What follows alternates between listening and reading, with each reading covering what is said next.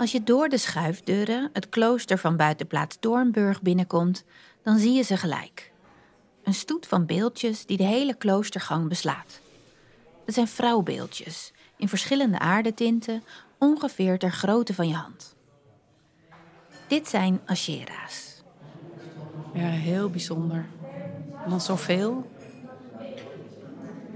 Ja. En ook niet allemaal perfect. En dat, is, dat zijn we ook. Het hoeft niet allemaal perfect. Ze staan vier rechtop als een boom. Sommigen hebben een bolle buik en allemaal staan ze met hun borsten in hun handen. De bezoekers van de tentoonstelling zijn zichtbaar geraakt. Het is zo moeilijk om uit te leggen wat ik voel in mijn diepere laag, zeg maar. De, de verbondenheid met de vrouw Scherer die gewoon uh, aan de kant is gezet door, uh, de katholieke kerk of door wie dan ook. Ze hoort er gewoon bij, zeg maar. Dus dat roept ook verdriet op, zeg maar. Wist je dat God vroeger als echtpaar werd aanbeden?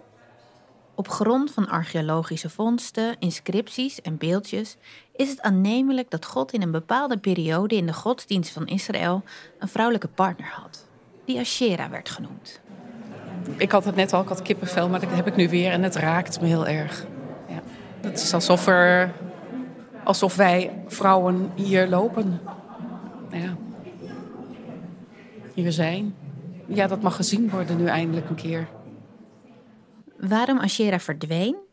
In de wetenschap verschillen de meningen hierover, maar veel theologen en historici schrijven het toe aan patriarchale culturen die inheemse bevolkingsgroepen hebben veroverd. Toen het Jodendom, het Christendom en de islam zich ontwikkelden in het Midden-Oosten en Europa, begonnen de monotheïstische religies enkel nog de man te aanbidden. Zoals Marieke Ploegen, de kunstenaar, ook uh, uitlegde in de geschiedenis, is de vrouw wel eens weggehaald, weggepoetst, ook hè, uit de Bijbel. En als je dat weet, als je je dat realiseert, als je om je heen kijkt hoe belangrijk vrouwen eigenlijk zijn, dan voelt dat onrechtvaardig. Terwijl lang niet alle vrouwen zullen daarmee bezig zijn. Of die weten heel goed hun plaats, die kennen heel goed hun waarde. Maar toch is het beter als de vrouwelijke kracht wel gezien en erkend wordt. En dus dit kunstwerk vind ik daar op een heel mooie manier aan bijdragen. De feminist in mij wordt blij hiervan, zeg maar. Kijk eens hoe vaak het vrouwelijke niet gezien wordt. Kijk eens, zolang we onderzoek, nou, bijvoorbeeld in de medische wetenschappen onderzoek blijven doen op jonge mannen. En dan denken dat het voor iedereen geldt. Weet je, uh, um, zolang uh, we nog steeds moeten strijden voor het recht eh, van vrouwen om over hun eigen lichaam te beschikken.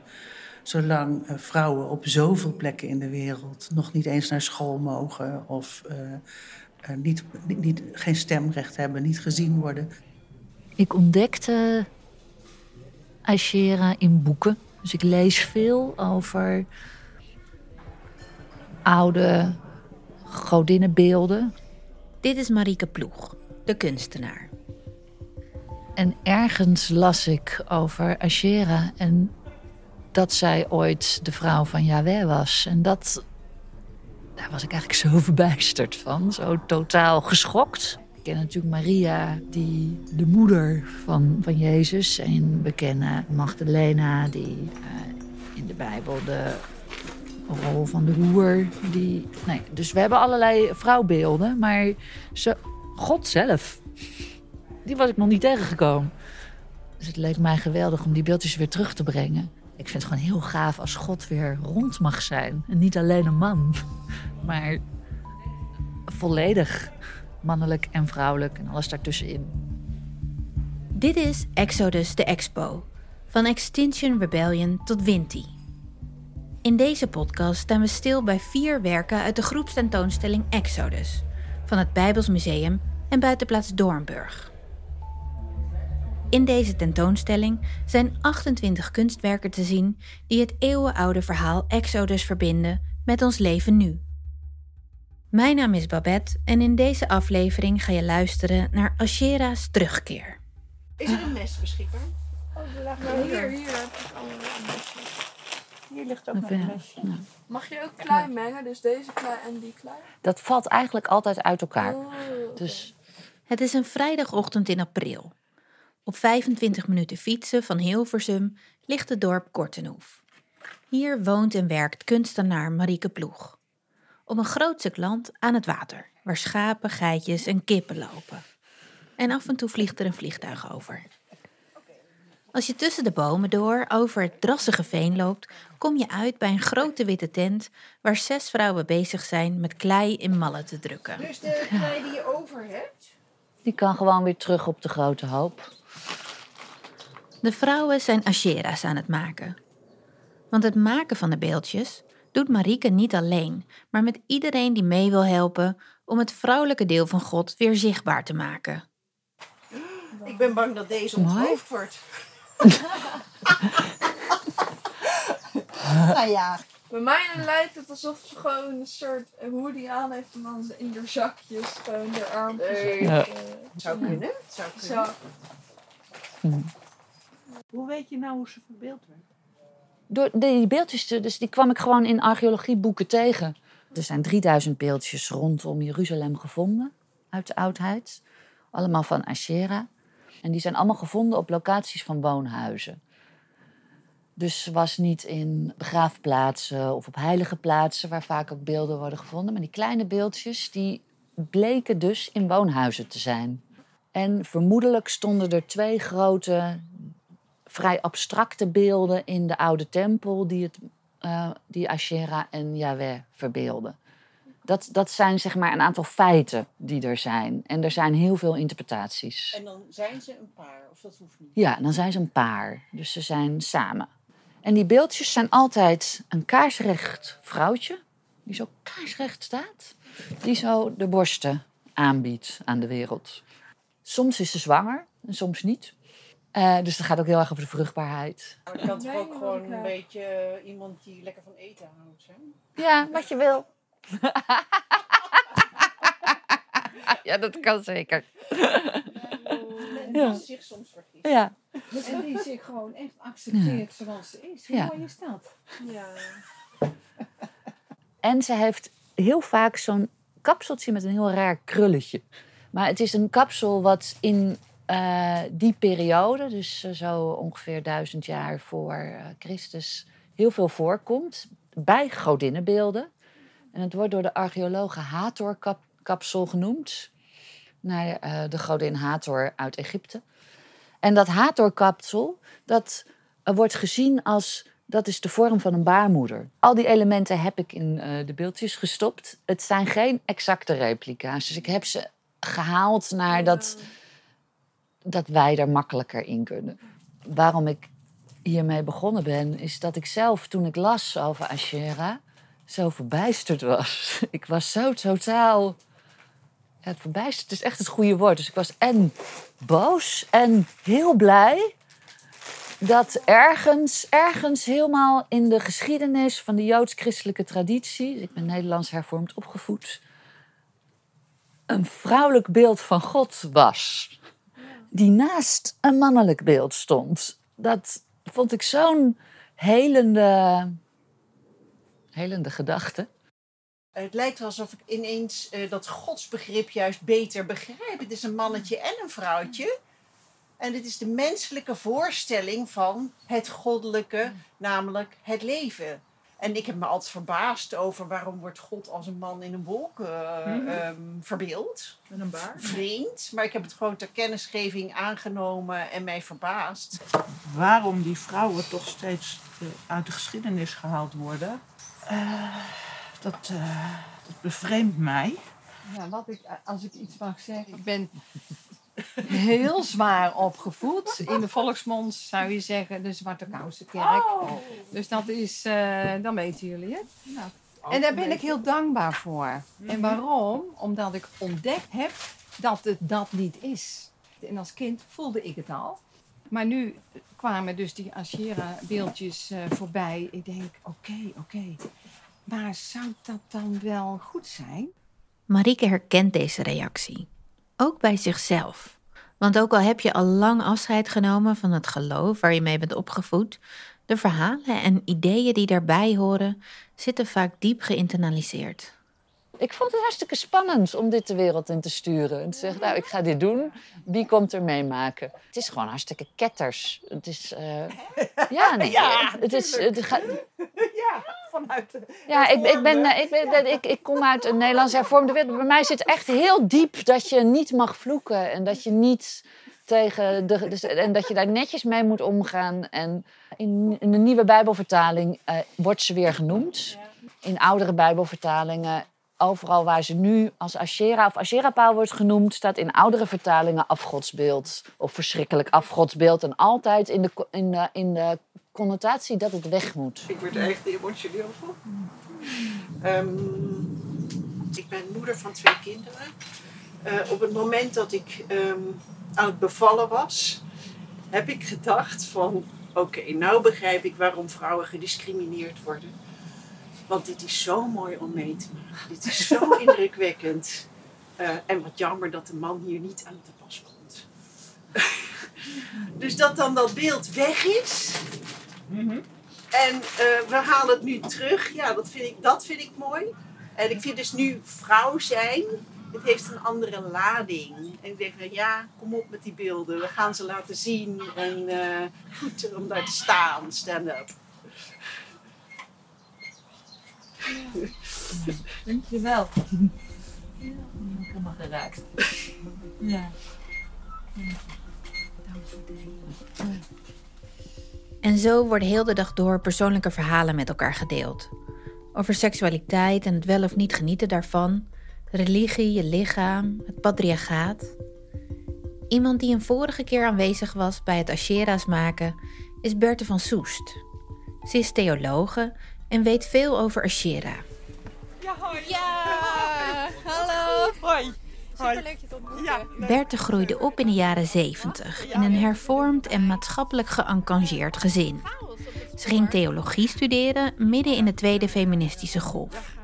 Ze sloot zich aan bij een jonge vrouwengroep die maandelijks bij elkaar kwam om feministische teksten te lezen. En ze leerde hier ook om argwanend de Bijbel te lezen. Wat staat er wel en wat staat er niet? Nou ja, ik ben ook feministisch theoloog. Dat houdt in dat ik het belangrijk vind dat er ook over God in inclusieve termen wordt gepraat. Of in expliciet vrouwelijke termen. En dat de wereld van, van, van vrouwen ook meedoet eh, in, de in de theologie. En gehoord en gezien wordt en belangrijk gevonden wordt. Ik heb met Berthe afgesproken omdat we iets bijzonders gaan doen. Tel Bert, waar zijn we? Nou, we zijn in het Haagse Bos, vlakbij de A12, waar eh, acties zijn al heel lang al eh, om fossiele subsidies dat die afgeschaft worden. Acties van? Extinction Rebellion. Daar zit jij bij. Ja, daar zit ik bij. En wat heeft Ashera hiermee te maken? Ja, nou, Ashera is een eh, godin. En zij staat voor bos en regeneratie en eh, vruchtbaarheid. Maar ni- ni- niet alleen baren, maar ook regeneratie van de natuur. Herstel, de vernieuwing. Ja, dus, ja nieuwe, nieuwe impulsen, nieuwe groei. Met Extinction Rebellion voert Berthe al bijna vijf jaar geweldloze acties en demonstraties om de overheid te dwingen om maatregelen te nemen, zodat het klimaat kan herstellen, de uitstoot van broeikasgassen gestopt wordt en biodiversiteitsverlies geremd. Ja, ja, de laatste keer eh, heb ik meegedaan als EHBO'er. Toen had ik een oranje hesje aan. Omdat er binnenkort weer een demonstratie is, heeft Berthe iets bedacht. En waar wil je nu naartoe lopen? We gaan nu we gaan naar de A12 en we gaan ehm, daar precies staan tussen de economische zaken en tussen de Tweede Kamer. Die twee ehm, zijn van belang voor het eh, afschaffen van de subsidie- subsidies. Daarom staan we daar, daarom demonstreren we daar ook. In die accubak. Dat zo lijkt het, een accubak. Ja, top. Let's go. Misschien denk je, die gaan vast demonstreren, maar nee, dat gaan we niet doen. We gaan een klein ritueel uitvoeren. Met Ashera. Even kijken hoor. Hoe we ook moeten lopen. Ja, hier gaan we langs. Daar- We zijn er al bijna. We lopen door een brede berm en worden enigszins beschermd door bomen. Lekker windje. Ja, lekker windje. Ja. Naast ons een tweebaansweg en onder ons giert de A12. We lopen dus niet op de A12. En goed om te zeggen, automobilisten hebben geen last van ons. Oké, okay, nou gaan we het doen. We moeten, de Sheras moeten we uitpakken. Oh, wat is ze mooi! Dat is prachtig, hè? Ja, ze heeft twee kleuren, drie kleuren. Zo'n beetje rood bij haar borst. Ze is uh, terracotta en zwart. Aan de rechterkant is ze een beetje zwart. Echt heel mooi. Zwart geblakerd en toch krachtig. Oké, okay, daar staat ze. Uit de tas van Berthe komen nog andere attributen. Een klankschaal, een ratel en een sistrum. Het is een soort rammelaar. Ashera staat op, op de rand van, van de A12. Die is hier beneden, die rijdt hier onderlangs. En we gaan haar nou, als het ware, eh, wakker maken. We maken haar natuurlijk niet echt wakker, maar onszelf, maar een relatie met haar maken gaan we doen. Zodat ze gaat leven voor ons.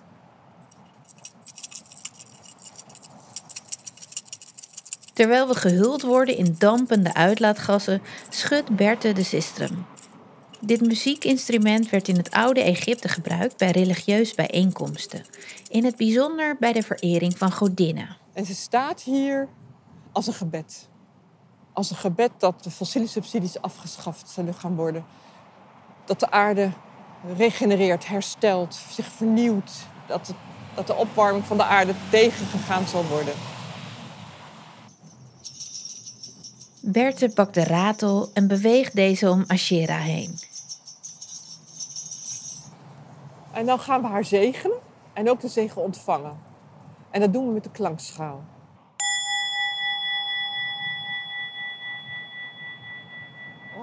Het staat er zo steady, hè? Heel krachtig, heel steady. Heel aards, heel rustig. Onverwoestbaar. Terwijl er zoveel scherven zijn, maar onverwoestbaar. Ja joh, moet je nou kijken wat voor plek we zitten. Ja. We worden gelukkig beschermd door een paar bomen. Ja. Die net in bloei zijn. Dat is zo bijzonder. Ja, dus het is heel gek, maar we gaan weer weg. Ja. Instrumenten in, Instrumenten in de tas. We pakken Ashera en de instrumenten weer in. En als we teruglopen naar het station, zegt Berthe dat ze het ook wel een beetje spannend vindt. Dat ik dit allemaal heb opgenomen en dat het straks beluisterbaar is voor iedereen. Het is wel, wel ja, hoe moet ik het zeggen? Ik vind het wel um, moeilijk. Ja. Nou, omdat het niet is wat mensen meestal doen met beeldjes of met die, in die zin. Dat ze beelden ergens mee naartoe nemen om dan... Ja, om dan daar iets mee te gaan doen. Ja, wie doet dat nou? Dat is een beetje raar. Wel lekker raar. Ja, het moet toch. Ja, ik vind dat moet niet, maar ik denk ja. Het doet toch goed dat het hier gestaan heeft. Ik word er ook wel heel vrolijk van eigenlijk. Ja, ja, ja, ja. ja. ja.